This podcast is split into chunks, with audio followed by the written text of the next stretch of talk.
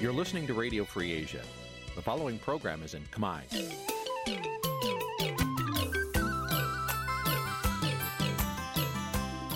Nǐ ជាកម្មវិធីផ្សាយ Vuthu Azizi Serai នេះជាកម្មវិធីផ្សាយរបស់ Vuthu Azizi Serai ជាភាសាខ្មែរ Vuthu Azizi Serai សូមស្វាគមន៍លោកអ្នកនាងទាំងអស់ពីរដ្ឋធានី Washington នៃសហរដ្ឋអាមេរិក។ពីរដ្ឋធានី Washington នាងខ្ញុំសុកជីវីសូមជម្រាបសួរ លោកអ្នកនាងកញ្ញាដែលកំពុងតាមដានការផ្សាយរបស់ Vithu Azizi សេរីទាំងអស់ជាទីមេត្រីយើងខ្ញុំសូមជូនកម្មវិធីផ្សាយសម្រាប់ព្រឹកថ្ងៃអង្គារ5កើតខែស្រាប ឆ្នាំខាលចត្វាស័កពុរសករាជ2566ចាប់ត្រូវនៅថ្ងៃទី2ខែសីហាគ្រិស្តសករាជ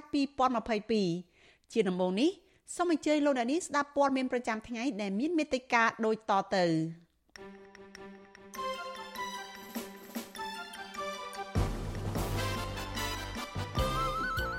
អ្នកជំនាញថាកម្ពុជាគួររក្សាជំហរអព្យាក្រឹតក្នុងរឿងដំណើរទស្សនកិច្ចរបស់ប្រធានរដ្ឋសភាអាមេរិកទៅកោះតៃវ៉ាន់អគ្គលេខាធិការអាស៊ាននិងរដ្ឋមន្ត្រីការបរទេសមួយចំនួនបានទៅដល់កម្ពុជា ដើម្បីចូលរួមប្រជុំមន្ត្រីការបរទេសអាស៊ានសកម្មជនបកប្រឆាំងបន្តភៀសខ្លួននៅក្រៅប្រទេសដោយសារបារម្ភពីសុវត្ថិភាពកម្មករអូសរទេសនៅតាមព្រំដែនខេត្តបាត់ដំបង ត្អូញត្អែពីអាជ្ញាធរព្រំដែនមិនអនុញ្ញាតឲ្យពួកគេចូលដឹកជញ្ជូនទំនិញថៃរួមនឹងព័ត៌មានសំខាន់សំខាន់មួយចំនួនទៀតចាជាបន្តទៅទៀតនេះនាងខ្ញុំសុជីវីសូមជូនព័ត៌មានទាំងនេះពិស្ដាចាលោកនាងកញ្ញាប្រិយមិត្តជាទីមេត្រី អ្នកជំនាញកិច្ចការអន្តរជាតិលើកឡើងថា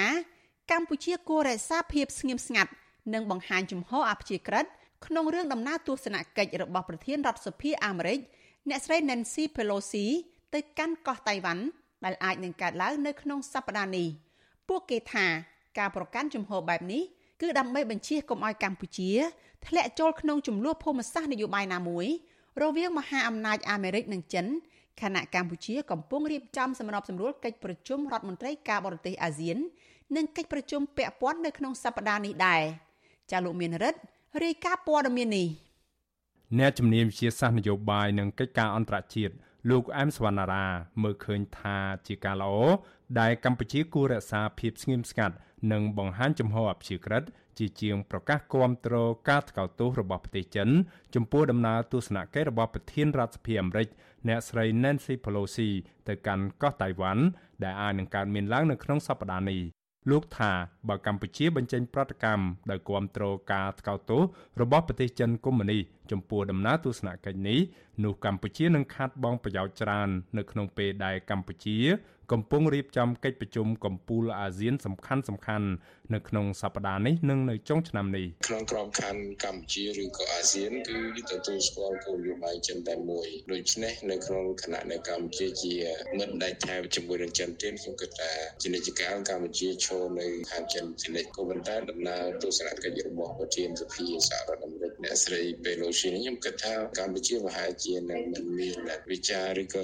មតិយោបល់ធ្វើអត្ថាធិប្បាយបាយលើដំណើរទស្សនកិច្ចនេះទេពីព្រោះកម្ពុជាត្រូវការសម្របសម្រួលនៅការរៀបចំកិច្ចប្រជុំអាស៊ាននិងសហរដ្ឋអាមេរិកនៅចុងឆ្នាំទៀតវាអាចខាតអត្ថប្រយោជន៍ស្រដៀងគ្នានេះអ្នកសិក្សាស្រាវជ្រាវនៃវិទ្យាស្ថានខ្មែរសម្រាប់សហប្រតិបត្តិការនិងសន្តិភាពហៅកាត់ថា CICP លោកវ៉ាន់បូណាយល់ថាកម្ពុជាគួររក្សាជំហរអព្យាក្រឹតនៅក្នុងរឿងដំណើរទស្សនកិច្ចនេះ លោកថាកម្ពុជាមិនត្រូវគាំទ្រសហរដ្ឋអាមេរិកចំពោះការធ្វើដំណើរទស្សនកិច្ចនេះហើយក៏មិនត្រូវគាំទ្រប្រទេសចិន ចំពោះការថ្កោលទោសដំណើរទស្សនកិច្ចនេះឡើយខ្ញុំមើលឃើញថាកម្ពុជាគួរតែបង្ហាញចំហអព្យាក្រឹតដោយមិនជាគាំទ្រទាក់ទងនឹងការ ទៅទស្សនកិច្ចរបស់ប្រធានសភារបស់សហរដ្ឋអាមេរិកនឹងឬក៏មិនគ្រប់គ្រងអ្វីជាការតទោសរបស់ចិនមានន័យថាព្យាយាមស្កាត់គ្មានទៅលើបញ្ហាហ្នឹងព្រោះបញ្ហាហ្នឹងវាមិនមែនជាបញ្ហារបស់កម្ពុជានិងបញ្ហារបស់អាស៊ានទេកម្ពុជាព្យាយាមផ្ដោតសំខាន់ទៅលើកិច្ចសហប្រតិបត្តិការក្នុងក្របខ័ណ្ឌអាស៊ាននិងនៅប្រទេសទាំងប្រទេសចិនចឹងទេមានន័យថាក្នុងចំពោះកម្ពុជាមិនគួរលុបមាត់ឬក៏ទៅជែកវិញខ្លាំង លោកវ៉ាន់បូណាពន្យល់ថាបើកម្ពុជាប្រកាសគាំទ្រការថ្កោលទោសរបស់ប្រទេសចិន ចំពោះដំណើរទស្សនកិច្ចនេះនោះនឹងមានន័យថាកម្ពុជាគឺជាប្រទេសមួយ ដែលរណបនឹងគោលនយោបាយរបស់ប្រទេសចិនលើសពីនេះទៀតលោកថាការនេះនឹងធ្វើឲ្យកម្ពុជាមានទំនាក់ទំនងកាន់តែល្អកកជាមួយនឹងសហរដ្ឋអាមេរិកការលើកឡើងរបស់ក្រុមអ្នកជំនាញកិច្ចការអន្តរជាតិនេះកើតមានឡើងស្របពេលដែលប្រធានរដ្ឋសភាសហរដ្ឋអាមេរិក អ្នកស្រី Nancy Pelosi កំពុងដឹកនាំគណៈប្រតិភូសភាអាមេរិកទៅបំពេញទស្សនកិច្ចនៅតំបន់ Indo-Pacific ក្នុងនោះរួមមានប្រទេសសិង្ហបុរីម៉ាឡេស៊ីកូរ៉េខាងត្បូងនិងប្រទេសជប៉ុននៅក្នុងសប្តាហ៍នេះ បើទោះបីជាសេចក្តីប្រកាសព័ត៌មានរបស់ប្រធានរដ្ឋសភាអាមេរិករូនេះមិនបានបញ្ជាក់ពីដំណើរទស្សនកិច្ចទៅកាន់កោះតៃវ៉ាន់ក៏ដោយក៏សេចក្តីរាយការណ៍ចុងក្រោយ របស់សារព័ត៌មានធំធំ ដូចជាកាសែត The Wall Street Journal និងសារព័ត៌មាន Reuters សុទ្ធតែបានស្រង់ប្រសាសន៍ពីប្រភពស្និទ្ធនឹងប្រធានរដ្ឋសភាអាមេរិកអ្នកស្រី Nancy Pelosi ថាអ្នកស្រីនឹងទៅធ្វើដំណើរទៅដល់កោះតៃវ៉ាន់នៅថ្ងៃអង្គារក្នុងសប្តាហ៍នេះ ដែលអ្នកស្រីគ្រងនឹងស្នាក់នៅទីនោះរយៈពេលមួយយប់ហើយគ្រងនឹងជួបជាមួយមន្ត្រីរដ្ឋាភិបាលកោះតៃវ៉ាន់នៅថ្ងៃពុធបន្ទាប់មុននឹងធ្វើដំណើរទៅកាន់ប្រទេសដទៃទៀតនៅក្នុងតំបន់ Indo-Pacific ទោះជាយ៉ាងណា ទាំងរដ្ឋាភិបាលសហរដ្ឋអាមេរិកនិងទាំងរដ្ឋាភិបាលកោះតៃវ៉ាន់នៅមិនទាន់បញ្ចេញឲ្យដឹងលម្អិតអំពីគម្រោងដំណើរទស្សនកិច្ចទៅកោះតៃវ៉ាន់នេះនៅឡើយទេគិតត្រឹមថ្ងៃច័ន្ទទី1ខែសីហា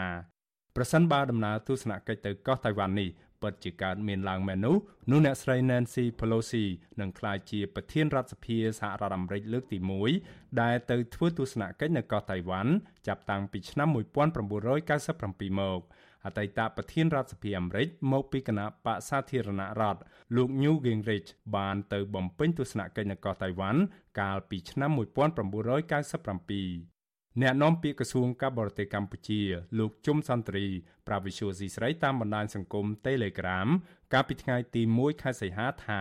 ក្នុងនាមជាប្រធានអាស៊ាន កម្ពុជាឥឡូវនេះកំពុងរៀបចំកិច្ចប្រជុំថ្នាក់រដ្ឋមន្ត្រីការបរទេសអាស៊ាន និងកិច្ចប្រជុំពាក់ព័ន្ធជាពិសេសកិច្ចប្រជុំកំពូលអាស៊ីបូព៌ានិងវេទិកាតំបន់អាស៊ានលោកបានថែមថាកម្ពុជានិងបណ្ដារដ្ឋសមាជិកអាស៊ានដទៃទៀតព្រមទាំងដៃគូចូលរួមកិច្ចប្រជុំទាំងនេះ កំពុងប្រឈមទៅនឹងបញ្ហាប្រឈមជាច្រើន និងបញ្ហាក្តៅក្តៅនៅក្នុងតំបន់និងអន្តរជាតិដើម្បីដោះស្រាយដែលហួសពីគ្រប់គ្រាន់ទៅហើយលោកជឿជាក់ថាគ្មានប្រទេសណាមួយ ចង់ឃើញបញ្ហាតានតឹងនៅក្នុងតំបន់និងអន្តរជាតិបន្ថែមទៅលើស្ថានភាពដែលកំពុងតែផុយស្រួយស្រាប់និងរបៀបវារៈដ៏ច្រើនលើសលប់នៃកិច្ចប្រជុំទាំងនេះទៀតនោះទេលោកជឿជាក់ថាភាគីនីមួយៗ ចង់ឃើញការបន្ថយភាពតានតឹងដោយមិនស្វាគមន៍ការបង្កើនការប្រឈមមុខដាក់គ្នានោះឡើយប្រទេសចិនកុម្មុយនីសដែលតែងប្រកាសនឹងចាត់ទុកកោះតៃវ៉ាន់គឺជាផ្នែកមួយនៃទឹកដីរបស់ខ្លួន បានថ្កោលទោសថាប្រសិនបើប្រធានរដ្ឋសភាអាមេរិកទៅទស្សនកិច្ចនៅកោះតៃវ៉ាន់មែននោះការនេះនឹងក្លាយជាការជ្រៀតជ្រែកកិច្ចការផ្ទៃក្នុងរបស់ខ្លួនយ៉ាងធ្ងន់ធ្ងរ អ្នកនាំពាក្យក្រសួងការបរទេសចិន បានប្រមានថាកងទ័ពរំដោះប្រជាជនចិននឹងមិនសម្ងំស្ងៀមឡើយហើយថាចិននឹងឆ្លើយតបយ៉ាងមោះមុតដោយចាត់វិធានការប្រឆាំងតបយ៉ាងខ្លាំងដើម្បីការពារអធិបតេយ្យនិងបូរណភាពទឹកដីរបស់ខ្លួនកាលពីដើមខែកក្កដានៅឯកិច្ចប្រជុំថ្នាក់រដ្ឋមន្ត្រីការបរទេសលើកទី7នៃកិច្ចសហប្រតិបត្តិការមេគង្គឡានឆាង ដែលបានប្រព្រឹត្តទៅនៅប្រទេសមីយ៉ាន់ម៉ា រដ្ឋមន្ត្រីការបរទេសកម្ពុជានិងចិនបានបញ្ជាក់ជំហរជួយគ្នាទៅវិញទៅមកនៅក្នុងរឿងរក្សាស្ថិរភាពនយោបាយនៅកម្ពុជា និងរឿងគោលនយោបាយចិនតែមួយចំពោះកោះតៃវ៉ាន់រួមទាំងតំបន់ចម្រុងចម្រាស់ផ្សេងទៀតនៅប្រទេសចិនអ្នកជំនាញកិច្ចការអន្តរជាតិលោកវ៉ាន់វណ្ណាមើលឃើញថាប៉ះសិនបើប្រទេសចិនជ្រើសរើសយកមធ្យោបាយក្តៅដែលប្រើកម្លាំងទ័ពទៅឈ្លានពានដណ្ដើមយកអធិបតេយ្យ នៅលើកោះតៃវ៉ាន់នាថ្ងៃខាងមុខនោះមិនខុសពីអ្វីដែលរុស្ស៊ីកំពុងធ្វើនៅប្រទេសអ៊ុយក្រែននាពេលបច្ចុប្បន្ននេះនោះជំហរកម្ពុជា ដែលតែងប្រកាសគាំទ្រគោលនយោបាយចិនតែមួយនឹងអូសទាញកម្ពុជាឲ្យធ្លាក់ចូលក្នុងអន្ទាក់ភូមិសាស្ត្រនយោបាយរបស់ចិននិងសហរដ្ឋអាមេរិកដែលការនេះធ្វើឲ្យសន្តិសុខកម្ពុជាត្រូវប្រឈមនឹងគ្រោះថ្នាក់ តែអភូមិសាស្ត្រនយោបាយនេះវាធ្វើឲ្យទីមួយតើតើសន្តិសុខរបស់កម្ពុជានេះវៀតណាមតើតើការវៀតណាមនេះបាទ IG ពិបាកនឹងទឹកចិត្តកម្ពុជាដោយសារវៀតណាមមើលឃើញកម្ពុជានេះគឺជាប្រទេសរបស់ចិនហើយកាលណាបើសិនជាមានការឈ្លានពានក៏ការវាដើមយកតៃវ៉ាន់ពីចិនមែនខ្ញុំឃើញថាបើសិនជាកម្ពុជាគ្រប់គ្រងការដើមនៅតៃវ៉ាន់ពីពីចិនវិញហ្នឹង ហាក់ដូចជាកម្ពុជានេះស្ថិតនៅចំណុចមួយដែលជាដូចក្តៅហើយបើសិនជាកម្ពុជាចូលក្នុងចំណុចក្តៅដែរជាសង្គ្រាមឬនៃការដើមរបស់ចិនទៅតៃវ៉ាន់តៃវ៉ាន់វិញខ្ញុំគិតថានៅកម្ពុជាអាចទៅពិបាកនឹងឬខ្លួនខ្លួនចេញពីចំណុចដ៏ក្តៅរសោបនេះប្រទេសចិននិងកោះតៃវ៉ាន់បានបំបែកចេញពីគ្នាក្រោមការគ្រប់គ្រងដោយរដ្ឋាភិបាលរៀងៗខ្លួនចាប់តាំងពីឆ្នាំ1949មក ក្រោយរដ្ឋាភិបាលកុម្មុយនីសចិន បានឈ្នះសង្គ្រាមស៊ីវិលនៅចិនដីគោកខណៈកោះតៃវ៉ាន់ត្រូវបានគ្រប់គ្រងដោយរដ្ឋាភិបាលដែលមានទំនោរទៅរកលទ្ធិប្រជាធិបតេយ្យ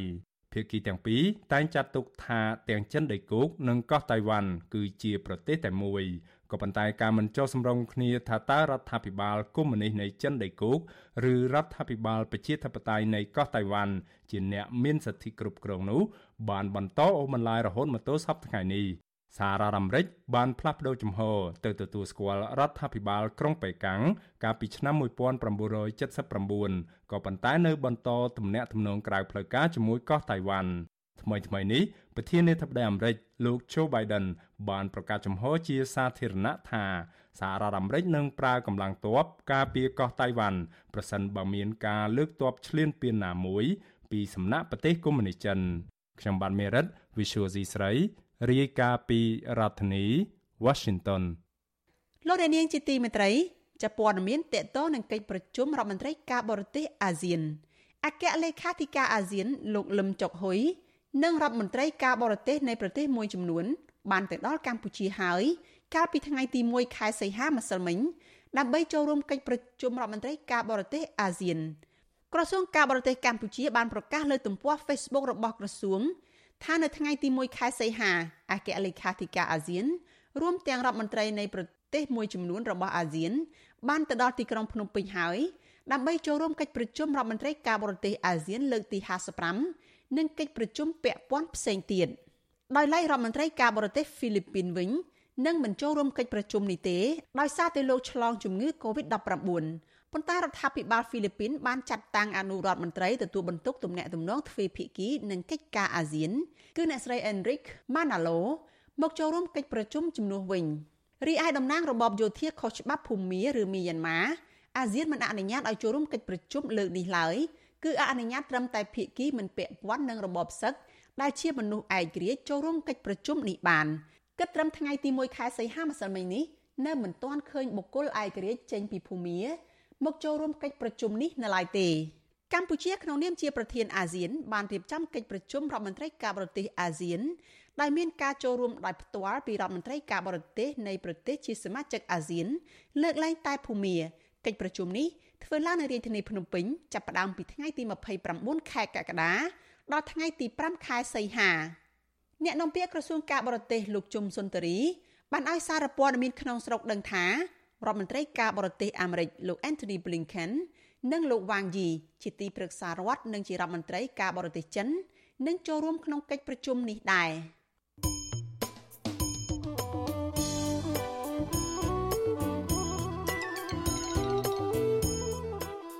លោកអ្នកនាងកញ្ញាអ្នកស្ដាប់ជាទីមេត្រីចាត់ដំណើរគ្នានឹងស្ដាប់ការផ្សាយផ្ទាល់របស់ Vithu Azizi Serai តាមបណ្ដាញសង្គម Facebook និង YouTube នេះ ចាលោកនាងក៏អាចស្ដាប់ការផ្សាយរបស់ Vithu Azizi Serai តាមរយៈ Vithu រលកធាតុអាកាសខ្លី SW តាមកម្រិតនិងកម្ពស់ដូចតទៅនេះចាប់ពេលព្រឹកចាប់ពីម៉ោង5កន្លះដល់ម៉ោង6កន្លះតាមរយៈរលកធាតុអាកាសខ្លី12140 kHz ស្មើនឹងកម្ពស់ 25m និង13715 kHz ស្មើនឹងកម្ពស់ 22m ពេលយប់ចាប់ពីម៉ោង7កន្លះដល់ម៉ោង8កន្លះ តាមរយៈរលកធាតុអាកាសខ្លី9960 kHz ស្មើនឹងកម្ពស់ 30m 12140 kHz ស្មើនឹងកម្ពស់ 25m និង11885 kHz ស្មើនឹងកម្ពស់ 25m លោកនាងកញ្ញាជាទីមេត្រីសកម្មជនគណបកសង្គ្រោះជាតិមួយចំនួនបានបន្តភៀសខ្លួនទៅប្រទេសថៃដោយសារពួកគាត់ព្រួយបារម្ភពីសវត្ថិភាព បន្ទាប់ពីអាញាធររបបលហ៊ុនសែននៅតែតាមធ្វើទុកបុកម្នេញគណៈបកប្រឆាំងឥតស្រាកស្រានសកម្មជនមួយរូបលើកឡើងថាលោកនឹងនៅតែបន្តសកម្មភាពនយោបាយជាមួយគណៈបកសង្គ្រោះជាតិបើទោះបីជាលោកជួបជីវភាពលំបាកផ្នែកសេដ្ឋកិច្ចនៅក្នុងឋានៈជាជនភៀសខ្លួនយ៉ាងណាក៏ដោយពីរដ្ឋធានី Washington លោកលេងម៉ាលីរាយការណ៍អំពីរឿងនេះ សកម្មជនគណៈបកសង្គ្រោះជាតិលោកជាជីវបានរត់គេចពីការតាមចាប់ខ្លួនរបស់អាជ្ញាធរខេត្តបាត់ដំបង បន្ទាប់ពីតុលាការសម្រេចកាត់ទោសលោកឲ្យជាប់ពន្ធនាគារ6ឆ្នាំពីបទរួមគំនិតក្បត់និងញុះញង់បង្កឲ្យមានភាពវឹកវរក្នុងសង្គមសកម្មជនមួយរូបដែលបានគ្រប់គ្រងការធ្វើមាតុភូមិនិវត្តរបស់លោកសំរងស៊ីកាលពីថ្ងៃទី9ខែវិច្ឆិកាឆ្នាំ2019លោកជាជីវក៏ធ្លាប់ត្រូវបានអាជ្ញាធរក្រុងភ្នំពេញ ចាប់ដាក់ពន្ធនាគារអស់រយៈពេល10ថ្ងៃដែរពាក់ព័ន្ធនឹងការគ្រប់គ្រងលោកសំរងស៊ីប្រធានប្រតិបត្តិគណៈបកសង្គ្រោះជាតិប្រចាំខេត្តបាត់ដំបង លោកជាជីវប្រាប់វិទ្យុអស៊ីសេរីនៅរសៀលថ្ងៃទី1ខែសីហាថាលោកបានភៀសខ្លួនទៅប្រទេសថៃកាលពីថ្ងៃទី14ខែមិថុនាតាមផ្លូវកាត់ក្បែរច្រកទ្វារព្រំដែនអន្តរជាតិដូងខេត្តបាត់ដំបងឆ្លងតាមព្រៃចូលទៅប្រទេសថៃ លោកបន្តថាមូលហេតុដែលលោកសម្រេចចិត្តភៀសខ្លួនព្រោះអាញាធរចេះតែតាមធ្វើទុកបុកម្នេញលើរូបលោកធ្វើឲ្យលោករស់នៅមិនសុខលោកបញ្ជាក់ថាគណៈបកកណ្ដាលអំណាចខ្លាចគណៈបកសង្គ្រោះជាតិរស់ឡើងវិញទើបចេះតែអុកឡុករំខានដល់សមាជិកគណៈបកប្រឆាំងដែលធ្វើសកម្មភាពនយោបាយនេះជាបន្តទៀតលោកសង្ឃឹមថាវត្តមានគណៈបកសង្គ្រោះជាតិនឹងមានមុខម្ដងទៀតសម្រាប់ការប្រកួតប្រជែងដោយស្មើមុខស្មើមាត់ជាមួយគណៈបកប្រជាជនកម្ពុជានៅពេលខាងមុខ។ ហើយខ្ញុំមិនបានធ្វើអ្វីតទៅសោះហេតុអីនៅតែមានការចាប់ចងខ្ញុំដាក់គុកដាក់ច្បាប់ទៀតដល់អញ្ចឹងខ្ញុំក៏សម្រេចចិត្តមកភៀសខ្លួនមកជាយដែនរងចាំព័ត៌មានគ្រប់ជ្រុងជ្រោយទើបខ្ញុំភៀសខ្លួនចេញពីថៃ សកម្មជនបកប្រឆាំងលោកជាជីវបាននាំប្រពន្ធនិងកូនប្រុសស្រីទាំង5នាក់ដាក់ពាក្យស្នើសុំសិទ្ធិជ្រកកោនផ្នែកនយោបាយពីឧត្តមស្នងការអង្គការសហប្រជាជាតិទទួលបន្ទុកជនភៀសខ្លួនហៅកាត់ថា UNHCR ប្រចាំប្រទេសថៃលោកនិងគ្រួសារកំពុងជួបបញ្ហាកត្តាជីវភាពខ្វះខាតដោយសារគ្មានប្រាក់ចំណូលនិងភ័យព្រួយពីសុវត្ថិភាពព្រោះមិនមានឯកសារស្របច្បាប់ដើម្បីរស់នៅក្នុងប្រទេសថៃនោះទេ។ វិទ្យុអស៊ីសេរីមិនអាចសុំការអធិប្បាយជុំវិញបញ្ហានេះពីអ្នកនាំពាក្យគណៈបកប្រជាជនកម្ពុជា លោកសុកអេសានបានទេ នៅថ្ងៃទី1ខែសីហាដោយសារទូរស័ព្ទហៅចូលជាច្រើនដង តែពុំមានអ្នកទទួលជុំវិញរឿងនេះដែរអ្នកនាំពាក្យនៃសមាគមការពារសិទ្ធិមនុស្សអាតហុកលោកសឹងសានករណាមើលឃើញថាបញ្ហាវិបត្តិនយោបាយក្នុងប្រទេសដែលនាំឲ្យមានជនភៀសខ្លួននយោបាយរត់ទៅជ្រកកោននៅប្រទេសជិតខាង អាចនឹងធ្វើឲ្យសហគមន៍អន្តរជាតិឃើញកាន់តែច្បាស់អំពីការរំលោភសិទ្ធិមនុស្សនិងលទ្ធិប្រជាធិបតេយ្យកាន់តែធ្ងន់ធ្ងរពីសំណាក់រដ្ឋាភិបាលឯកបក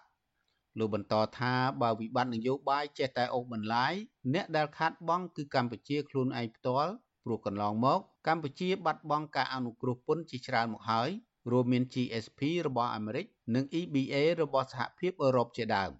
លោកស្នើដល់គណៈបកនយោបាយទាំងអស់ឲ្យមកឯកភាពគ្នាក្នុងការកសាងសង្គមកម្ពុជាឲ្យដើរលើគន្លងលទ្ធិប្រជាធិបតេយ្យសេរីពហុបកនិងងាកមកគោរពសិទ្ធិមនុស្សឡើងវិញអង្គការជាតិអន្តរជាតិក៏ដូចជាសហគមន៍បណ្ដាប្រទេសអន្តរជាតិគេកំពុងតែឃ្លាំមើលគេតាមដាននឹងដែរអញ្ចឹងចង់មិនចង់វាអាចមានបញ្ហាប៉ះពាល់ទី1នោះគឺទៅលើបញ្ហាសេដ្ឋកិច្ចនយោបាយនៅក្នុងប្រទេសហើយនឹងជាលក្ខណៈអន្តរជាតិផងដែរបាទ រយៈពេលប្រមាណ7ខែក្នុងឆ្នាំ2022នេះសកម្មជនគណៈបកសង្គ្រោះជាតិបានរត់ភៀសខ្លួនទៅប្រទេសថៃជិត20នាក់ហើយបច្ចុប្បន្ននេះមានសកម្មជនគណៈបកប្រឆាំងកំពុងរស់នៅជាជនភៀសខ្លួនផ្នែកនយោបាយប្រមាណ80នាក់ពួកគេភៀសខ្លួនដោយសារការចោទប្រកាន់និងការធ្វើទុកបុកម្នេញពីរដ្ឋាភិបាលក្រុងភ្នំពេញ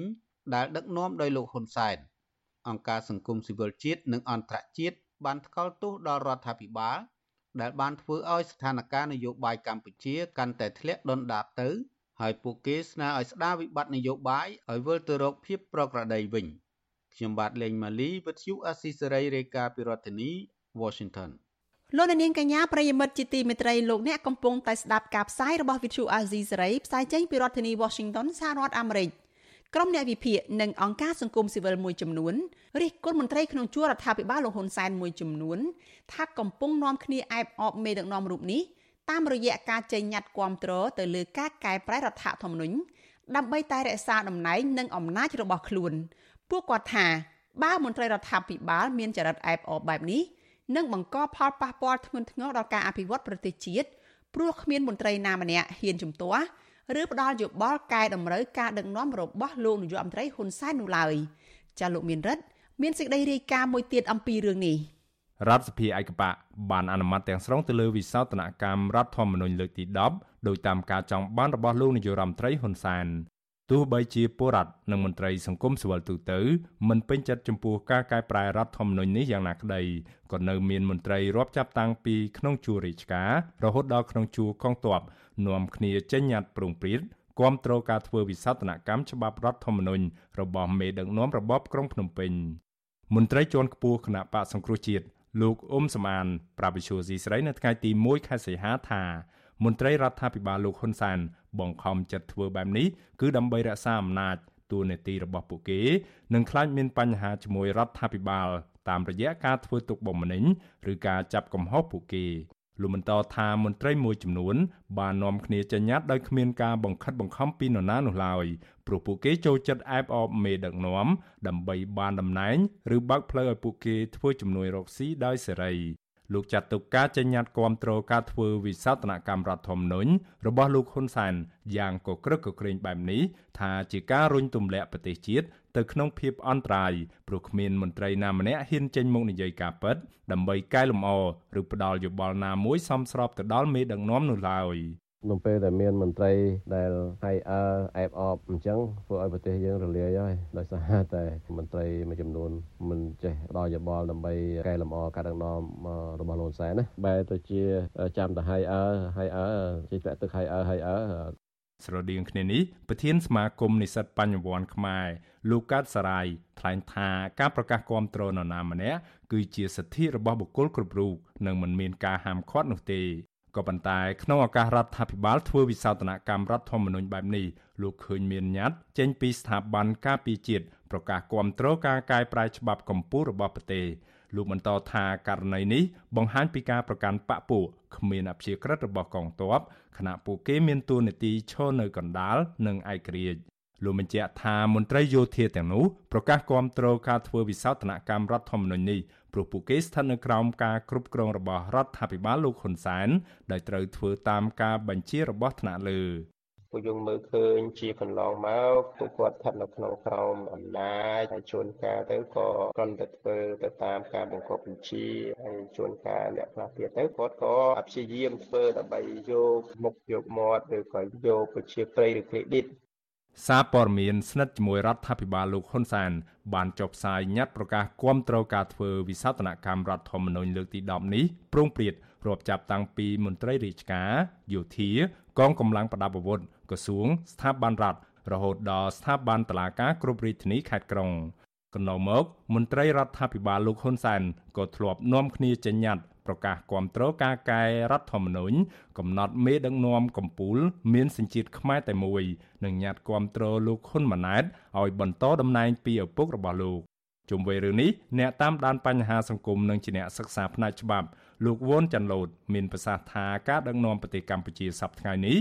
បានចាត់ទុកអំណាចរបស់បកជាធំ ដែលមានន័យថាបកកាន់អំណាច មានទូនាទី និងសិទ្ធិនៅក្នុងការសម្រេចរាប់ចាប់តាំងពីការកែប្រែច្បាប់ផងដែរ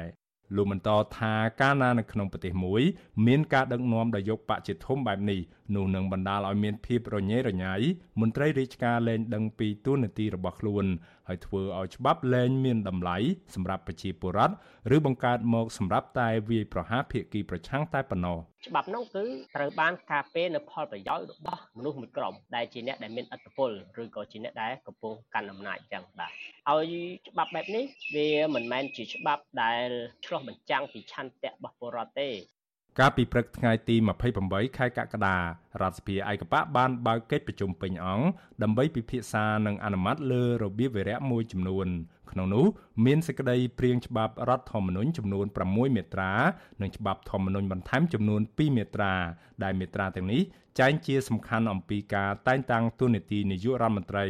ការបន្ថយអំណាចសមាជិកសភានិងការបង្កើនសិទ្ធិអំណាចរបស់គណៈបកនយោបាយដែលមានអាសនៈច្រើននៅក្នុងរដ្ឋសភា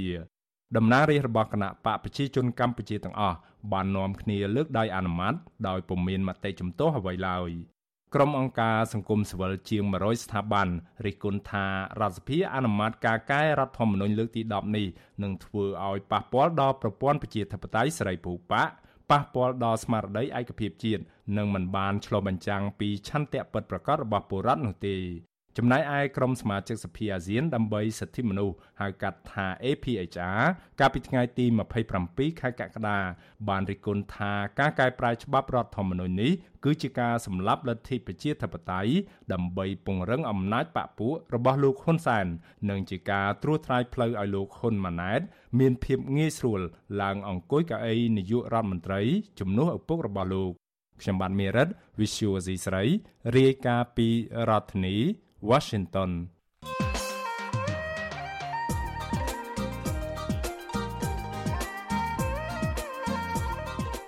លោកនាងកញ្ញាជាទីមេត្រីគណៈបកតូចតូចចំនួន5បានដាក់រូបមន្ត3ដើម្បីឈានដល់ការបង្រួបបង្រួមគ្នាសម្រាប់ត្រៀមខ្លួនចូលរួមការបោះឆ្នោតជាតិនៅក្នុងឆ្នាំ2023ខាងមុខនេះចុះសម្រាប់លោកសំរងស៊ីជាមេដឹកនាំគណៈបកប្រឆាំងធំជាងគេនៅក្រៅប្រទេសវិញតើលោកយល់ឃើញបែបណា ចំពោះផែនការរួបរวมគ្នារបស់គណៈបកនយោបាយនេះសូមអញ្ជើញលោកអ្នកនាងរងចាំស្ដាប់នីតិវេទិកាអ្នកស្ដាប់វិទ្យុអាស៊ីសេរីដែលនឹងជជែកអំពីបញ្ហានេះនៅយប់ថ្ងៃអង្គារទី2ខែសីហានេះកុំបីខាន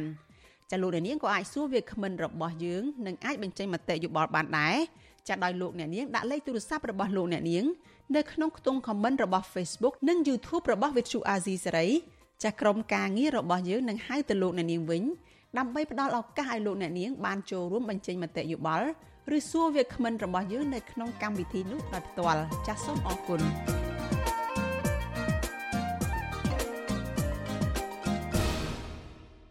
លោកនាងជាទីមេត្រីព័ត៌មានតកតនឹងការបោះបង្គោលព្រំដែនរវាងកម្ពុជានិងវៀតណាមវិញម្ដងអ្នកខ្លំមើលកិច្ចការព្រំដែនកម្ពុជាវៀតណាមប្រតិកម្មខ្លាំងខ្លាំងចំពោះលោកនាយរដ្ឋមន្ត្រីហ៊ុនសែនដែលឯកភាពជាមួយវៀតណាម បន្តបោះបង្គោលព្រំដែនបង្ហើយឲ្យបាន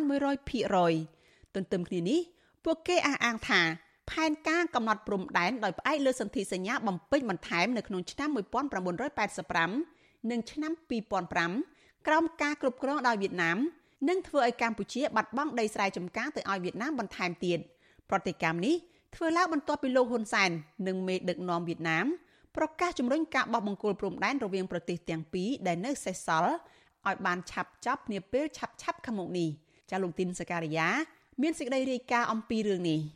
អ្នកខ្លំមើលពីកិច្ចការព្រំដែនសោកស្ដាយជាខ្លាំងចំពោះរដ្ឋាភិបាលលោកនាយករដ្ឋមន្ត្រីហ៊ុនសែនប្រកាសបោះបង្គោលព្រំដែនជាមួយរដ្ឋាភិបាលវៀតណាមបន្តទៀតដោយមិនខ្វល់ពីមតិរិះគន់និងរំលោភលើរដ្ឋធម្មនុញ្ញកិច្ចព្រមព្រៀងសន្តិភាពទីក្រុងប៉ារីសនោះទេពួកគេលើកឡើងថាការបោះបង្គោលព្រំដែនកន្លងមកនេះមានភាពមិនប្រក្រតីជាច្រើន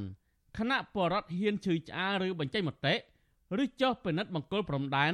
រដ្ឋាភិបាលលោកហ៊ុនសែនបែរជារារាំងជាពិសេសចាប់ខ្លួននិងចោទប្រកាន់ពួកគេដាក់ពន្ធនាគារតាមអំពើចិត្តទោះជាយ៉ាងណាពួកគេថារដ្ឋាភិបាលគឺជាអ្នកទទួលខុសត្រូវចំពោះមុខប្រវត្តិសាស្ត្រជំវិញនឹងរឿងនេះ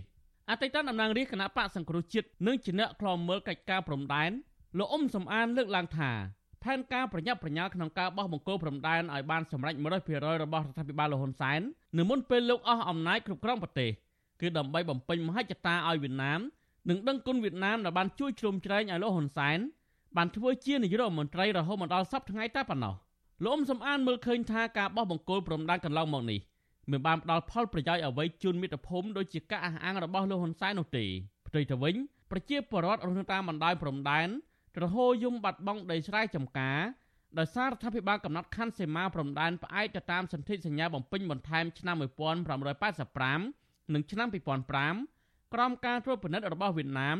ដែលរំលោភរដ្ឋធម្មនុញ្ញនិងកិច្ចព្រមព្រៀងសន្តិភាពទីក្រុងប៉ារីសឆ្នាំ1991ឡងមកនេះការបោះបង្គោលព្រំដែនហ្នឹងបានធ្វើឲ្យបាត់បង់ទឹកដីកម្ពុជាទៅប្រទេសវៀតណាមរួចទៅហើយអញ្ចឹងនៅពេលដែលបោះបង្គោលបន្ថែមទៀតនេះនឹងធ្វើឲ្យបាត់បង់ទឹកដីខ្មែរនៅតាមព្រំដែនហើយនឹងធ្វើឲ្យប្រជាពលរដ្ឋនៅតាមព្រំដែននឹងស្រែកទៅហូយំបាត់ដីស្រែចម្ការរបស់គាត់បន្ថែមទៀតនៅពេលបោះបង្គោលហ្នឹង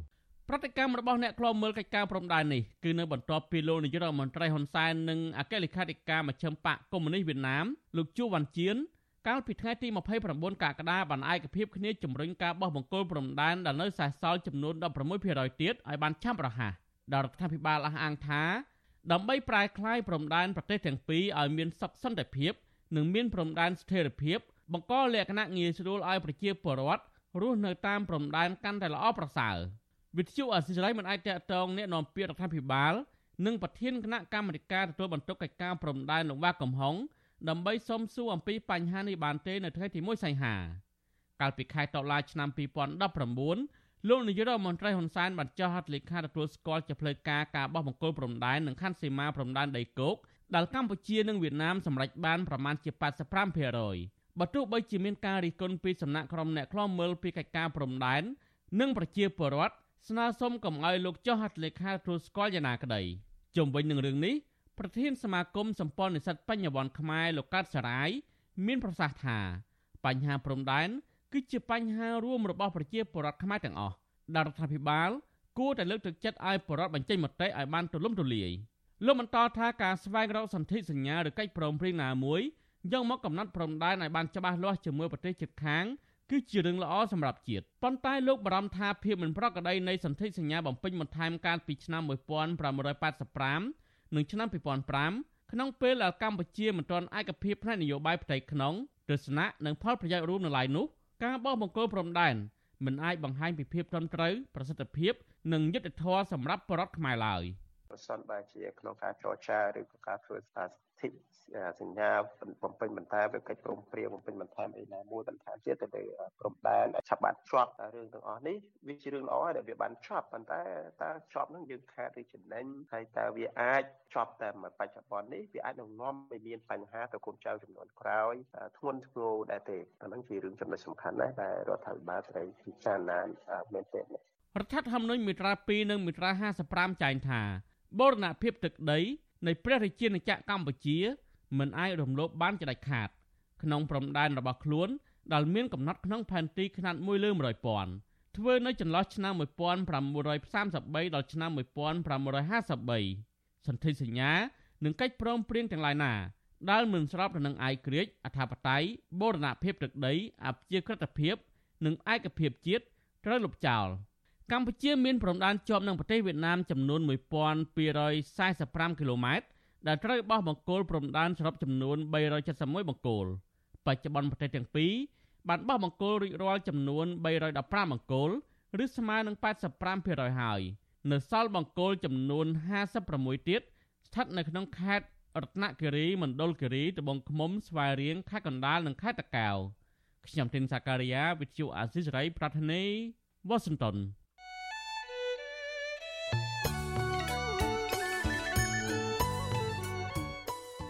លោកនាងកញ្ញាជាទីមេត្រីចានៅក្នុងឱកាសនេះដែរនាងខ្ញុំសូមថ្លែងអំណរគុណដល់លោកនាងកញ្ញាទាំងអស់ដែលតែងតែមានភក្ដីភាពចំពោះការផ្សាយរបស់យើងហើយចាត់ទុកការស្ដាប់វិទ្យុអាស៊ីសេរី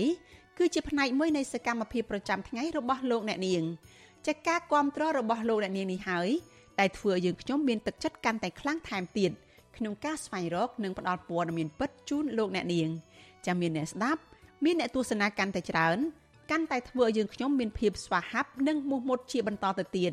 យើងខ្ញុំសូមអរគុណទុកជាមុនហើយសូមអញ្ជើញលោកអ្នកនាងកញ្ញាទាំងអស់ចូលរួមជំរុញឲ្យសកម្មភាពផ្តល់ព័ត៌មានរបស់យើងនេះកាន់តែជោគជ័យបន្ថែមទៀតចាលោកអ្នកនាងកញ្ញាអាចជួយយើងខ្ញុំបាន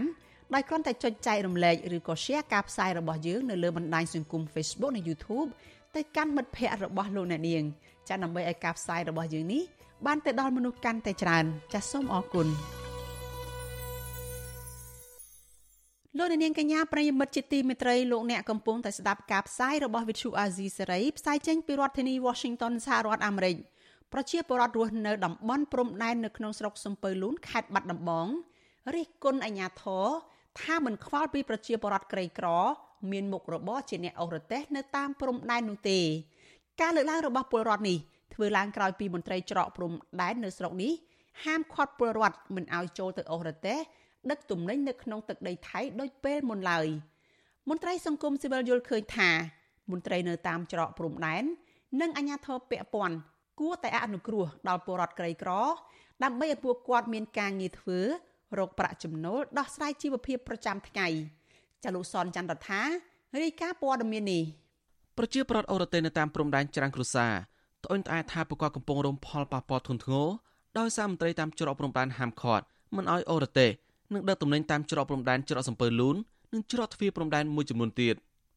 ពួកគាត់លើកឡើងថាពួកគាត់បាត់បង់ប្រាក់ចំណូលនិងជួបទុលំបាកជីវភាពប្រចាំថ្ងៃហើយធ្វើឲ្យប៉ះពាល់ដល់ការសិក្សារបស់កូនកូនស្របពេលដែលតម្លៃទំនិញលើទីផ្សារមានតម្លៃថ្លៃប្រជាប្រដ្ឋក្នុងឃុំសន្តិភាពសឹកសំពើលូនលោកស្រីហេងអៀនប្រាប់វិទ្យុអេស៊ីសរ៉ៃថ្ងៃទី1ខែសីហាថាគ្រួសារលោកស្រីមានជីវភាពខ្វះខាតដោយសារមន្ត្រីប្រចាំការនៅច្រកព្រំដែនបិទលែងឲ្យបរដ្ឋអរទេសដឹកទំនិញឆ្លងកាត់ទៅមក លោកស្រីបន្តថាលោកស្រីជាស្ត្រីមេម៉ាយហើយមានចៅពិការម្នាក់ហើយចៅតូចតូចចំនួន3នាក់ផ្សេងទៀតក្នុងបន្ទង់ដែលធ្វើជីវភាពលោកស្រីកាន់តែដុនដាបពីមួយថ្ងៃទៅមួយថ្ងៃលោកស្រីសំណូមពរដល់រដ្ឋាភិបាលនិងស្ថាប័នពាក់ព័ន្ធសម្របសម្រួលជាមួយភៀកគីថៃ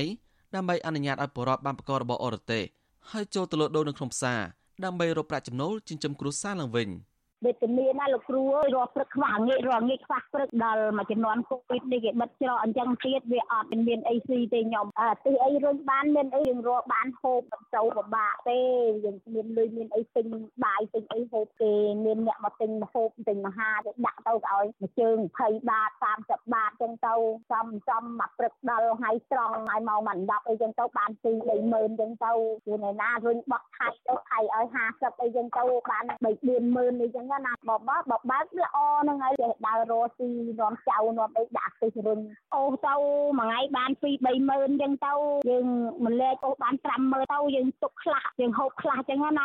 ពាក់ព័ន្ធករណីនេះប្រធានច្រកព្រំដែនភ្នំដីលោកចន្ទរាប្រាវិទ្យាអេស៊ីសរ៉ៃថាលោកតែងស្នើទៅភីគីថៃដើម្បីសម្រួលដល់កម្មករអរទេសចូលទៅដឹកទំនិញនៅខាងទឹកដីថៃប៉ុន្តែភីគីថៃមិនអនុញ្ញាត ក្រុមហេតុផលថាប៉ះពាល់ដល់សណ្ដាប់ធ្នាប់របស់ថៃ លោកចន្ទរាបញ្ជាក់ថាប្រព័ន្ធដែលចិញ្ចោព្រំដែនបានដោយតម្រូវមានបានព្រំដែនកម្ពុជាថៃនៅលិខិតឆ្លងដែន។ ជាគោលការណ៍របស់ខាងថៃដែលអត់អនុញ្ញាតឲ្យអាទីចូលទេហើយបើគាត់ចង់ចូលទៅលក់ដូរបានតែគាត់ត្រូវប្រើបានព្រំដែនឬក៏លិខិតឆ្លងដែនបីចេញចូលមិនថៃឲ្យចូលពីខុសពីគោលការណ៍កាលមុនកូវីដអាទីអីទៅបានឥឡូវនេះថៃឈប់ឲ្យអាទីហ្នឹងឆ្លងកាត់ហើយគោលការណ៍មានតែប៉ុណ្្នឹងមូលហេតុជាការរៀបចំដំណាប់នៅរបស់ខាងទី2ថៃព្រោះប៉ែតនេះគេឈប់ឲ្យមានអាទីហើយខាងច្រកដូងក៏គេអត់ឲ្យមានអាទីដែរទីធំធំអីហ្នឹងគេលែងឲ្យហើយទូទៅគ្រប់ច្រកហ្នឹងឯងគេលែងឲ្យប្រើប្រាស់យន្តការអាទីហើយគេឈានទៅឲ្យឡានតូចៗវិញព្រោះដោយភ្នំដីអាទៀងក៏មានគ្រោះថ្នាក់ដែរដោយសារវាចំណោតគាត់ទុញឡើងក៏លំបាកហើយគាត់ប្រើប្រាស់កម្លាំងកូនក្មេងមកធ្វើពលកម្មវាអត់បានទៅរៀនទៅសូត្រទេជុំវិញរឿងនេះប្រធានសមាគមពង្រឹងសេដ្ឋកិច្ចក្រៅប្រព័ន្ធកម្ពុជាលោកដិនពុធីយល់ឃើញថាអាញាធននៅតាមច្រកព្រំដែននិងអភិបាលខេត្តទទួលបន្ទុកគួរតែចរចាជាមួយភៀកគីថៃដើម្បីសម្រួលដល់ពលករក្រីក្រដែលប្រកបរបរអរទេសលោកបន្តថាប្រសិនបើមានការប៉ះពាល់សណ្ដាប់ធ្នាប់ អញ្ញាធរគួររៀបចំកម្មករអរទេសជាជួរឬក៏រៀបចំកន្លែងចំណតសម្រាប់ពួកគាត់លោកអះអាងថារយន្តថៃឆ្លងកាត់ព្រំដែនទៅមកហើយបើកបោកក្នុងលបឿនលឿនដែលបង្កគ្រោះថ្នាក់ដល់ប្រជាពលរដ្ឋកម្ពុជា តែអាញាធរកម្ពុជាហាមអើពើដោះស្រាយបញ្ហានេះជូនប្រជាពលរដ្ឋតាមព្រំដែនទេ ពិបាកមិនន័យថាតែច្រកដីទៅប៉ុន្តែតែគាត់ឲ្យចូលនឹងវាអត់មានតម្លាភាពថាខូចសម្រាប់ធ្នាប់ប៉ុន្តែខ្ញុំថាបើឡានកុងតឺន័រថៃចូលមកខ្មែរយើងហ្នឹងទៅវាខូចសម្រាប់ធ្នាប់លើតែទៅទៀតណាចូលមកញ៉ៃញ៉ៃព្រោះឡានហ្នឹងវាដឹកទំនិញធំធំហើយមួយទៀតកិនវិជាប្រដ្ឋខ្មែរយើងស្លាប់ច្រើនណាពាក់ព័ន្ធនឹងឡានទំនិញធំធំបើគ្មានប្រជាប្រដ្ឋខ្មែរទៅចូលមកហ្នឹងបើលបឿនលឿនគ្មានរៀបរៀបរយចំមកហ្នឹងអាគូតឯឡានធំបាទជាប្រដ្ឋអាឡានធំហ្នឹងគឺប៉ះពាល់សម្រាប់ធ្នាប់ធ្ងន់ហើយមួយទៀតចូលមកនោះវាបំផ្លាញផ្លូវជាតិយើងច្រើនតែខ្មែរយើងខំបងប្អូនជូនរដ្ឋយើងធ្វើផ្លូវដល់ពេលផ្លូវហ្នឹងហ្នឹងគឺបើកបានតែឡានថៃនៅតាមជីដែរជួលមកទៅគិតក្រែងដូចហើយកឋិនហ្នឹងប៉ុន្តែខ្មែរយើងគេឲ្យចូលក៏ឲ្យគេមិនឲ្យចូលក៏ស្អែកចិត្តគេនឹកឃើញថាឲ្យចូលក៏ចូលទៅមិនថាអាទេសទៅតែឡានក៏ដូចគ្នាហ្នឹងឡានទេសចរយើងឡាននេះស្អាតស្អាតឡានតូចតូចនេះគេអត់ឲ្យចូលកម្ពុជានិងថៃបានបិទច្រកទ្វារព្រំដែនប្រទេសទាំងពីរកាលពីខែមីនាឆ្នាំ2020ដើម្បីទប់ស្កាត់ការរាលដាល COVID-19 ប៉ុន្តែក្រោយមកអាជ្ញាធរកម្ពុជានិងថៃបានឯកភាពគ្នាបាត់ច្រកទ្វារព្រំដែនប្រទេសទាំងពីរឡើងវិញ កាលពីថ្ងៃទី1ខែសភាប៉ុន្តែអាញាធរថៃបានហាមឃាត់ប្រកខ្មែរមិនឲ្យចូលទៅអរទេសឆ្លងកាត់ព្រំដែនឬក៏ទៅប្រកបរបរខាងទឹកដីថៃបានដូចមុនទេ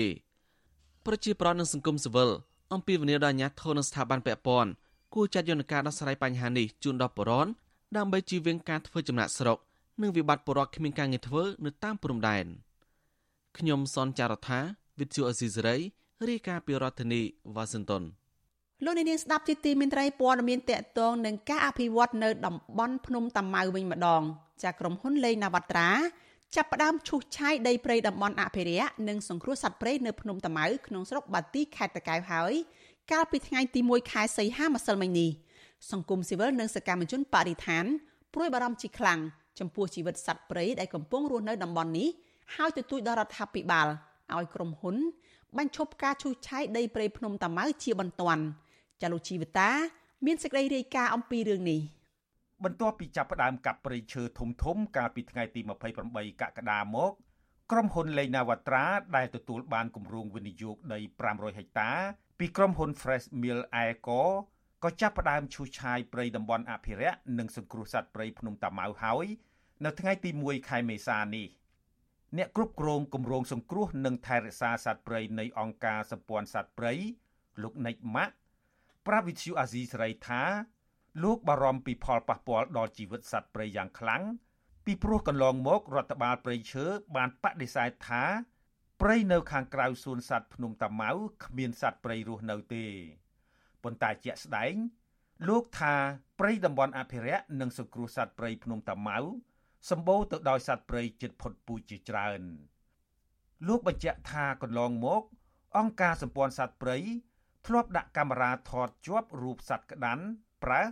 ឆ្មាដាវជាដើម ហើយបច្ចុប្បន្នសត្វក្តាន់ត្រូវបានអង្គការសហភាពអន្តរជាតិសម្រាប់ការអភិរក្សធម្មជាតិ IUCN ចុះបញ្ជីជាសត្វព្រៃជិតផុតពូជលោកស្នើយ៉ាងទទូចឲ្យក្រុមហ៊ុនលេងណាវត្រាបញ្ឈប់ការឈូសឆាយព្រៃនេះជាបន្ទាន់និងសូមឲ្យរដ្ឋាភិបាលពិចារណាឡើងវិញក្នុងការរក្សាទុកព្រៃតំបន់អភិរក្សនិងសង្គ្រោះសត្វព្រៃភ្នំតាម៉ៅ អំពីសត្វនៅក្នុងព្រៃភ្នំតាម៉ៅហើយខ្ញុំនេះដងខ្ញុំដេកអត់លក់យប់មិញដេកពីមកខ្ញុំស្ដាយណាស់គេបំផ្លាញព្រៃនិងសុំខំបំផ្លាញមន្ត្រីប្រចាំការនៅសួនសត្វភ្នំតាម៉ៅម្នាក់បានប្រាប់វិទ្យុអាស៊ីសេរីដោយសូមមិនបញ្ចេញឈ្មោះថាលោកត្រូវបានមន្ត្រីនគរបាលដែលយាមកាមឲ្យក្រុមហ៊ុនលេងណាវត្រាហាមមិនឲ្យចូលមើលក្រុមហ៊ុនកំពុងឈូសឆាយព្រៃនៅតំបន់នោះទេ តែលោកបានឮសំឡេងម៉ាស៊ីនកំពុងឈូសឆាយនិងអាឈើនៅតំបន់នោះលោកគិតថាក្រុមហ៊ុនលេងណាវត្រាចាប់ផ្ដើមឈូសឆាយដីព្រៃពីចំណុចកណ្ដាលព្រៃមកខាងក្រៅវិញព្រោះក្រុមហ៊ុនមិនចង់ឲ្យប្រជាជនមានការភ្ញាក់ផ្អើលតែលោកថាការឈូសឆាយពីកណ្ដាលព្រៃដូចនេះនឹងធ្វើឲ្យសត្វព្រៃផ្អើលហើយរត់ចេញចូលមកក្នុងភូមិអ្នកស្រុកជុំវិញរឿងនេះ សកម្មជនចលនាមេដាធម្មជាតិកញ្ញាលងគុន្ធា ប្រាប់វិទ្យុអាស៊ីសេរីថាការឈូសឆាយបំផ្លាញព្រៃតំបន់ភ្នំតាម៉ៅនេះមិនត្រឹមតែធ្វើឲ្យប្រទេសកម្ពុជាបាត់បង់ទ្រព្យសម្បត្តិធនធានធម្មជាតិនិងសត្វព្រៃដែលមិនអាចកាត់ថ្លៃបាននោះទេវាក៏ធ្វើឲ្យប្រជាពលរដ្ឋនៅតំបន់នោះបាត់បង់ចំណូលពីការទាញយកអនុផលព្រៃឈើថែមទៀតផង។ជាមួយគ្នានេះ កញ្ញាទទូចដល់រដ្ឋាភិបាលឲ្យរក្សាព្រៃអភិរក្សនិងសង្គ្រោះសត្វព្រៃភ្នំតាម៉ៅទាំងមូលដោយកែប្រែព្រៃតំបន់នេះជាតំបន់អេកូទេសចរវិញ។ អភិវឌ្ឍវាច្រើនកន្លែងហើយកន្លែងណាក៏អភិវឌ្ឍអភិវឌ្ឍហេតុអីក៏មិនទុកកន្លែងនឹងមួយដើម្បីជាការអភិរក្សទៅដល់ធនធានធម្មជាតិទៅដល់សត្វព្រៃនៅកន្លែងនឹងហើយបើសិនជាមានអាការអភិវឌ្ឍបែបហ្នឹងវាវាផ្ដល់ចំណូលឲ្យណាគេច្រើនជាងគេវាផ្ដល់ចំណូលឲ្យតែទៅលើឯកជនដែលជាអ្នកដែលគាត់ឈូសឆាយព្រៃនឹងវិទ្យុអាស៊ីសេរីមិនអាចតាក់ទងរដ្ឋមន្ត្រីក្រសួងកសិកម្មលោកវែងសខុន និងក្រុមហ៊ុនលេងណាវត្រាដើម្បីសូមអត្ថាធិប្បាយអំពីការឈូសឆាយដីព្រៃតំបន់អភិរក្សនិងសង្គ្រោះសត្វព្រៃភ្នំតាម៉ៅបានទេ នៅថ្ងៃទី1សីហាដោយទូរស័ព្ទចូលតែពុំមានអ្នកទទួលកាលពីថ្ងៃទី14ខែមករាកន្លងទៅលោកខុយខុនហួរមន្ត្រីជាន់ខ្ពស់នៃទីស្តីការគណៈរដ្ឋមន្ត្រីបានចុះហត្ថលេខាស្នើសុំដោះដូរស្ថានីយ៍ចិញ្ចឹមគោពូជភ្នំតាម៉ៅទំហំ300ហិកតា និងដីស្ថិតនៅទីតាំងឧទ្យានសួនសัตว์និងមជ្ឈមណ្ឌលសង្គ្រោះសត្វព្រៃភ្នំតាម៉ៅចំនួន500ហិកតា ដើម្បីវិនិយោគឲ្យក្រុមហ៊ុនខ្មែរឈ្មោះ Fresh Mill Eco និងអនុញ្ញាតផ្ទេរកម្មសិទ្ធិឲ្យក្រុមហ៊ុន និងដៃគូសហការមុនធ្វើការអភិវឌ្ឍដោយផ្អែកតាមចំណារបស់លោកនាយករដ្ឋមន្ត្រីហ៊ុនសែនឧទ្យានជាតិសួនសត្វភ្នំតាម៉ៅនិងមជ្ឈមណ្ឌលសង្គ្រោះសត្វព្រៃភ្នំតាម៉ៅមានផ្ទៃដី2300ហិកតា ដែលត្រូវបានចុះបញ្ជីជាតំបន់អភិរក្សពីក្រសួងកសិកម្មកាលពីឆ្នាំ1995ស្ថិតក្នុងស្រុកបាទីខេត្តតាកែវតំបន់អភិរក្សនេះមានសត្វព្រៃកម្រនិងជិតផុតពូជជាច្រើនប្រភេទកំពុងរស់នៅ និងបង្កកំណើតខ្ញុំជីវិតាអាស៊ីសេរីលោកនាងកញ្ញាជាទីមេត្រីព័ត៌មានពីតំបន់ព្រៃឡង់ឯណោះវិញឲ្យដឹងថាមន្ត្រីសង្គមស៊ីវិលនិងប្រជាសហគមន៍ការពារព្រៃឡង់នៅក្នុងខេត្តស្ទឹងត្រែង អំពាវនាវឲ្យសមត្ថកិច្ចពាក់ព័ន្ធនៅក្នុងខេត្តនេះស៊ើបអង្កេតចំពោះអ្នកកាប់ឈើនិងអាឈើដែលពួកគេសង្ស័យថាកំពុងប្រើប្រាស់គ្រឿងញៀនប្រព្រឹត្តបទល្មើសព្រៃឈើខុសច្បាប់នៅក្នុងតំបន់ព្រៃឡង់នៅពេលយប់ពួកគេសង្កេតឃើញថាអ្នកសែបគ្រឿងញៀនជាច្រើនអ្នកបន្តសម្ងំធ្វើអាជីវកម្មឈើខុសច្បាប់ នៅក្នុងព្រៃអភិរក្សនេះមិនទាន់ឃើញមានសមត្ថកិច្ចណាចុះទៅអនុវត្តច្បាប់នោះនៅឡើយទេចាលោកមានរិទ្ធ មានសេចក្តីរាយការណ៍ដាច់ដライមួយទៀតអំពីរឿងនេះមន្ត្រីសង្គមស៊ីវិលនិងពជាសហគមន៍ការពារព្រៃឡង់អះអាងថាបច្ចុប្បន្នយុវជននៅមូលដ្ឋាន និងពលរដ្ឋមួយចំនួន បានប្រើប្រាស់ថ្នាំញៀនកាប់បំផ្លាញព្រៃឈើនិងដឹកឈើចេញពីតំបន់អភិរក្សនៅពេលយប់ដើម្បីបំបត្តិងងុយដេកពួកគេសង្កេតឃើញថាសកម្មភាពបែបនេះកើតមានឡើងជាច្រើនឆ្នាំមកហើយក៏ប៉ុន្តែមិនឃើញមានសមត្ថកិច្ចជំនាញចុះបង្ក្រាបនៅឡើយទេ ក្រុមស្នូបណ្ដាញសហគមន៍ព្រៃឡង់ខេត្តស្ទឹងត្រែងលោកគង្រីប្រាវិសុយស៊ីស្រីនៅថ្ងៃទី1ខែសីហាថាគ្រាន់តែផ្លូវចូលព្រៃឡង់មួយច្រកនៅក្នុងឃុំកាំងចាមស្រុកថ្លាបរវត្តមានក្រុមអ្នកអាឈើនិងដឹកឈើចេញពីព្រៃអភិរក្សនេះមិនក្រោម50នាក់ទេហើយពួកគាត់ភ័យច្រើនបានសេពគ្រឿងញៀនដើម្បីប្រព្រឹត្តបទល្មើសព្រៃឈើនៅពេលយប់ លោកថាពួកលោកតែងតែបានជួបជាមួយក្រុមអ្នកដឹកឈើទាំងនោះហើយពួកគាត់និយាយថាការសេពគ្រឿងញៀនគឺដើម្បីបំបត្តិងងុយដេកមានកម្លាំងខ្លាំងនិងធ្វើការមិនងាយហត់លោកបន្តថាមកទល់ពេលនេះក្នុងតំបន់ពួកលោករស់នៅ សកម្មភាពចែកចាយគ្រឿងញៀនបានរីករាលដាលដល់សហគមន៍កាន់តែខ្លាំង តែវាទៅធ្វើការស៊ីឈ្នួលគេហ្នឹងខ្ញុំសួរថាពួកឯងជក់ឆ្នាំហ្នឹងទៅវាយ៉ាងម៉េចខ្លះខាងបើសិនជាយើងជក់ឆ្នាំនេះអត់មានអីធ្វើម្ហូបយើងជិលហូបបាយយើងជក់ឆ្នាំនេះយើងអាចធ្វើការបានមួយថ្ងៃទល់ងាយឬក៏មួយយប់ទល់ព្រឹកអីនោះអត់មានឃ្លានបាយអត់មានងុយដេកអីទេហើយកម្លាំងយើងនៅមានទេរហូតបើឲ្យតែអ្នកចូលកាត់ឈើនៅក្នុងតំបន់ព្រៃឡង់គឺទាំងអស់មកប្រើប្រាស់ទាំងអស់មិនថាក្នុងព្រៃឡង់ព្រៃសហគមន៍ក៏ប្រើប្រាស់ទាំងអស់ព្រោះពួកនោះវាច្រើនប្រើប្រាស់នៅពេលយប់កាត់បំផ្លាញនៅពេលយប់អញ្ចឹងណា សមាជិកសហគមន៍ព្រៃឡង់រូបនេះបន្ថែមថាអ្នកសែបគ្រឿងញៀនខ្លះមានកំភ្លើងឆ្នៃប្រើប្រាស់ហើយមានចរិតកោងកាចធ្វើឲ្យពួកលោកខ្លាចរអាមិនហ៊ានចូលទៅទប់ស្កាត់បទល្មើសព្រៃឈើនៅពេលយប់ឡើយលោកបញ្ជាក់ថាកន្លងទៅពួកលោកបានផ្ដល់ព័ត៌មាននេះទៅសមាជិកជំនាញជាហោហែក៏ប៉ុន្តែគ្មានបានលទ្ធផលនោះទេ ខ្ញុំមហានិភ័យត្រង់ថាកម្លាំងយើងវិតិចកាលណាពួកនឹងប្រើប្រាស់គ្រឿងញៀនវាអត់ស្គាល់យើងដែលជាកម្លាំងទៅការពារធនធានធម្មជាតិទេវាមានអាវុធបាទអាវុធកែច្នៃវានៅក្នុងព្រៃនឹងជួនកាលមានអាវុធចាស់ពលពតវាកប់នៅក្នុងព្រៃនឹងក៏វាទុកបាញ់សត្វបាញ់ខ្លាឃ្មុំបាញ់ស្អីនឹងប្រព្រឹត្តប្រព្រឹត្តពេញនឹងពួកនឹងអត់ខ្លាចទេដេញបាញ់ដេញអីពួកយើងអញ្ចឹង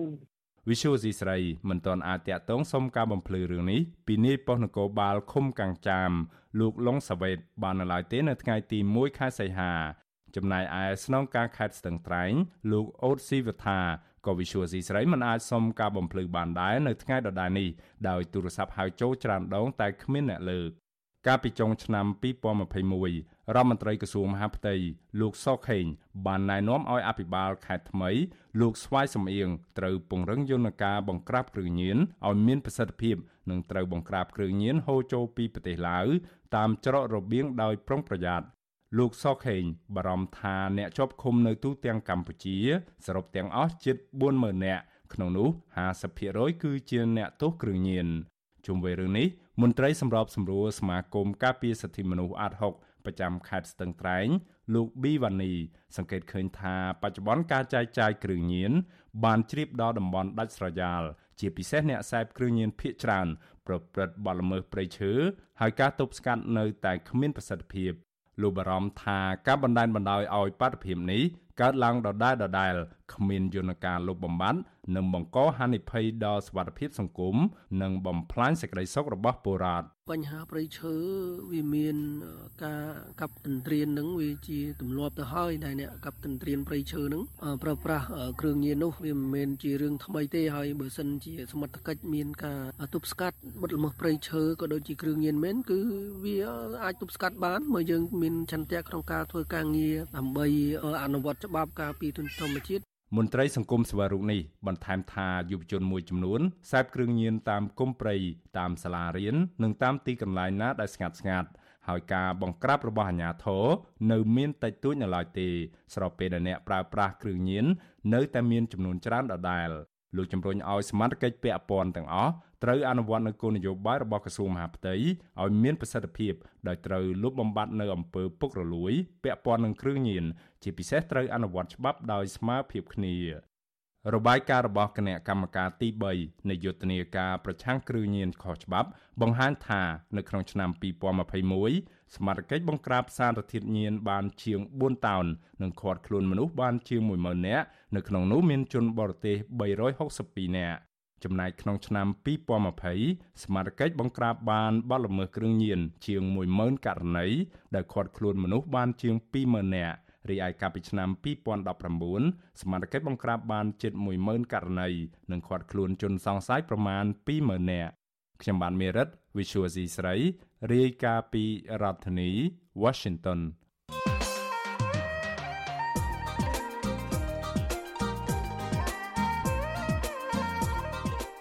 លោកនាងកញ្ញាជាទីមេត្រីគណៈបកតូចតូចចំនួន5បានដាក់រូបមន្ត3ដើម្បីឈានដល់ការបង្រួបបង្រួមគ្នាសម្រាប់ត្រៀមខ្លួនចូលរួមការបោះឆ្នោតជាតិនៅក្នុងឆ្នាំ2023ខាងមុខនេះចុះសម្រាប់លោកសំរងស៊ីជាមេដឹកនាំគណៈបកប្រឆាំងធំជាងគេនៅក្រៅប្រទេសវិញតើលោកយល់ឃើញបែបណា ចំពោះផែនការរួបរวมគ្នារបស់គណៈបកនយោបាយនេះសូមអញ្ជើញលោកអ្នកនាងរងចាំស្ដាប់នីតិវេទិកាអ្នកស្ដាប់វិទ្យុអាស៊ីសេរីដែលនឹងជជែកអំពីបញ្ហានេះ នៅយប់ថ្ងៃអង្គារទី2ខែសីហានេះកុំបីខានចាលោកអ្នកនាងក៏អាចសួរវាគ្មិនរបស់យើងនិងអាចបញ្ចេញមតិយោបល់បានដែរចាដោយលោកអ្នកនាងដាក់លេខទូរស័ព្ទរបស់លោកអ្នកនាងនៅក្នុងខ្ទង់ comment របស់ Facebook និង YouTube របស់ Vithu Azizi សេរីចាក្រុមការងាររបស់យើងនឹងហៅទៅលោកអ្នកនាងវិញដើម្បីផ្ដល់ឱកាសឲ្យលោកអ្នកនាងបានចូលរួមបញ្ចេញមតិយោបល់ឬសួរវាគ្មិនរបស់យើងនៅក្នុងកម្មវិធីនោះដោយផ្ទាល់ចាសសូមអរគុណ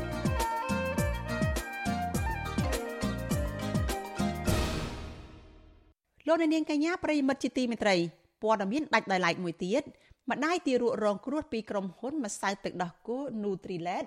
រៀបរាប់ពីទុកលំបាកនឹងការឈឺចាប់មិនអាចលុបបំបាត់បានខណៈពួកគេនៅមិនទាន់ទទួលបានយុត្តិធម៌ពីប្រព័ន្ធតុលាការនៅឡើយមន្ត្រីសង្គមស៊ីវិលជំរុញឲ្យស្ថាប័នតុលាការពន្លឿននីតិវិធីករណីនេះដើម្បីផ្ដល់យុត្តិធម៌ដល់កុមាររងគ្រោះនិងកុំឲ្យសាធារណជន រិះគន់ថាតុលាការអនុវត្តច្បាប់មានស្តង់ដារ2រវាងប្រជាពលរដ្ឋទុនខ្សោយនិងក្រុមហ៊ុនមានលុយមានអំណាចចាលូជីវិតា មានសេចក្តីរាយការណ៍មួយទៀតអំពីរឿងនេះគ្រួសារទីរករងគ្រោះបង្ហាញការឈឺចាប់ដែលជាប់ក្នុងចិត្តជាច្រើនឆ្នាំមកនេះក្រោយពេលពួកគាត់ប្រើម្សៅទឹកដោះគោដោយគ្មានគុណភាពបណ្ដាលឲ្យប៉ះពាល់ដល់សុខភាពកូនកូនពួកគាត់បដិញ្ញាតស៊ូរឿងក្តីមិនដកថយនោះទេ ដើម្បីយកម្ចាស់ក្រុមហ៊ុនឲ្យទទួលខុសត្រូវចំពោះមុខច្បាប់ទោះជាយ៉ាងណា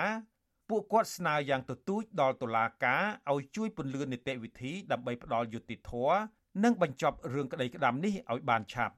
ម្ដាយទីរក់កើតជំងឺស្លេកស្លាំងលោកស្រីផាត់ស៊ីរី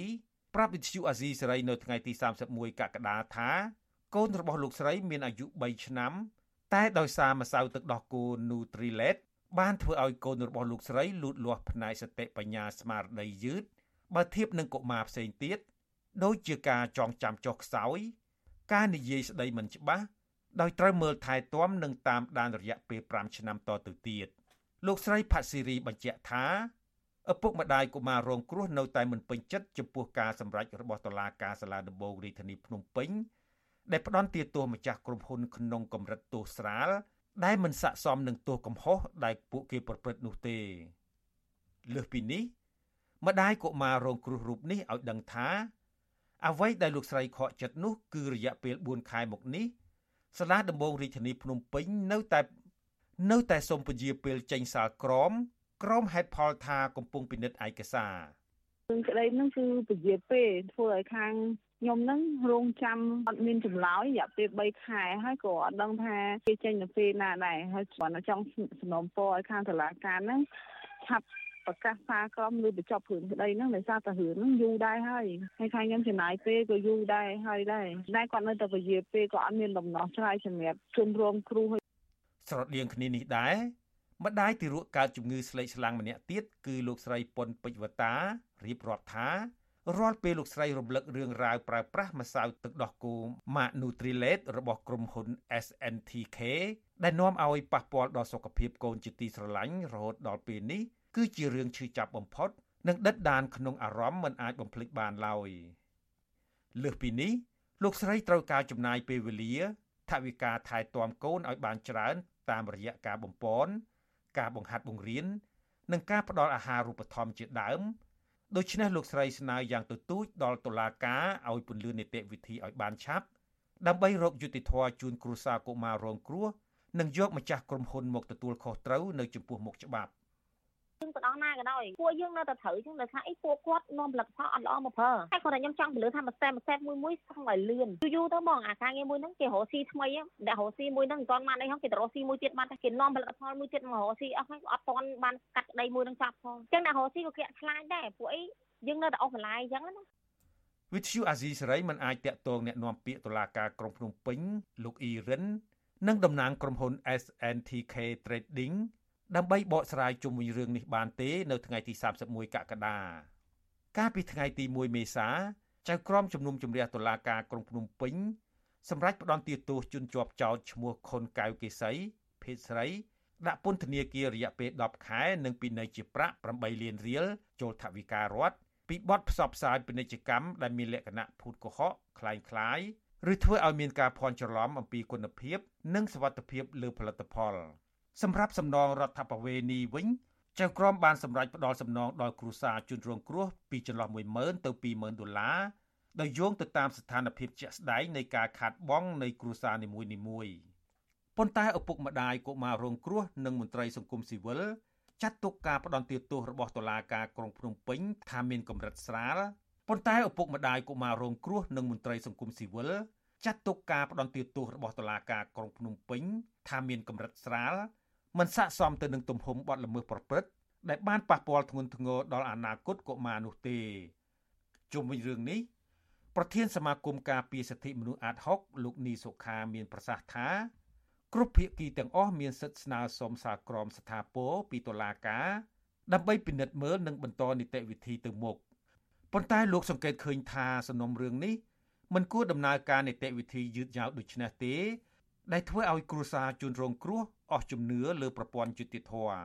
លើពីនេះលោកក៏សម្គាល់ថាកន្លងមកពលរដ្ឋក្រីក្រឬទុនខ្សោយដែលមានរឿងក្តីក្តាំជាមួយអ្នកមានអំណាចនិងក្រុមហ៊ុនអ្នកមានលុយពិបាកទទួលបានយុតិធធដោយសារតែខ្វះការយកចិត្តទុកដាក់និងអនុវត្តនីតិវិធីយឺតយ៉ាវរបស់តុលាការធ្វើឲ្យមានការប៉ះពាល់ទៅដល់ដំណើរការយុតិធធក៏ដូចជាពិសេសគឺប្រព័ន្ធយុតិធធនៅស្រុកយើងហើយបើសិនជាតុលាការនៅតែអូសបន្លាយពេលវេលាអញ្ចឹងណា កាលពីដើមខែកញ្ញាឆ្នាំ2020ក្រសួងពាណិជ្ជកម្មបានបញ្ជាឲ្យផ្អាកចរាចរណ៍និងប្រមូលត្រឡប់មកវិញនៅម្សៅទឹកដោះគោ Nutrilett ចំនួន6លេខកូដនិងបញ្ឈប់ការនាំចូលម្សៅទឹកដោះគោប្រភេទនេះចូលទីផ្សារក្នុងប្រទេសការចាត់វិធានការនេះធ្វើឡើងបន្ទាប់ពីក្រសួងរកឃើញថាផលិតផលនេះខ្វះសារធាតុចិញ្ចឹមគ្រប់គ្រាន់ដែលបង្កគ្រោះថ្នាក់ធ្ងន់ធ្ងរដល់សុខភាពរបស់កុមារនិងទារកដែលទទួលទានម្សៅទឹកដោះគោនេះ។ ក្រុមហ៊ុនម្សៅទឹកដោះគោ Nutrilett បានប្រកាសសុំទោសជាសាធារណៈហើយអះអាងថាក្រុមហ៊ុនមិននឹកស្មានថាម្សៅទឹកដោះគោដែលក្រុមហ៊ុនកំពុងនាំចូលនិងចែកចាយអស់រយៈពេល9ឆ្នាំមានបញ្ហាបច្ចេកទេសលើធាតុផ្សំនៃម្សៅទឹកដោះគោលេខគោទាំង6នោះទេ គ្រួសារទីរករងគ្រោះលើកឡើងថាពួកគាត់ទទួលយកការសម្រេចរបស់តុលាការដោយសារពួកគាត់មិនចង់បន្តក្តីក្តាំតទៅទៀត ដើម្បីទុកពេលវេលានិងថវិកាមើលថែទាំកូន និងមិនចង់រំលឹករឿងរ៉ាវដែលឈឺចាប់ទាំងនោះទេពួកគាត់ថាការដែលភាគីក្រុមហ៊ុនបន្តប្តឹងសារទុកទៅតុលាការជាន់ខ្ពស់ទៀតនោះយុតិធធម៌របស់ពួកគាត់កាន់តែអូសបន្លាយដោយមិនដឹងថ្ងៃណាត្រូវបញ្ចប់នោះទេ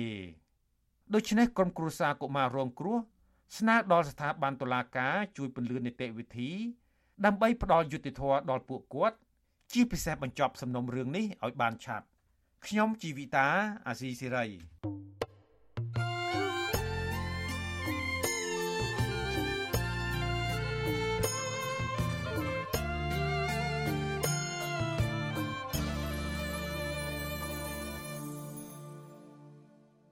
លោកនាងកញ្ញាប្រិយមិត្តជាទីមេត្រីការផ្សាយរយៈពេល1ម៉ោងរបស់វិទ្យុអាស៊ីសេរីជាភាសាខ្មែរនៅព្រឹកនេះចាស់ចប់ត្រឹមតែប៉ុណ្ណេះនាងខ្ញុំសុជីវី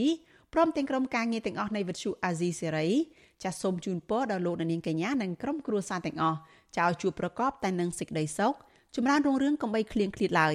ចា៎នាងខ្ញុំសូមអរគុណនិងសូមជម្រាបលា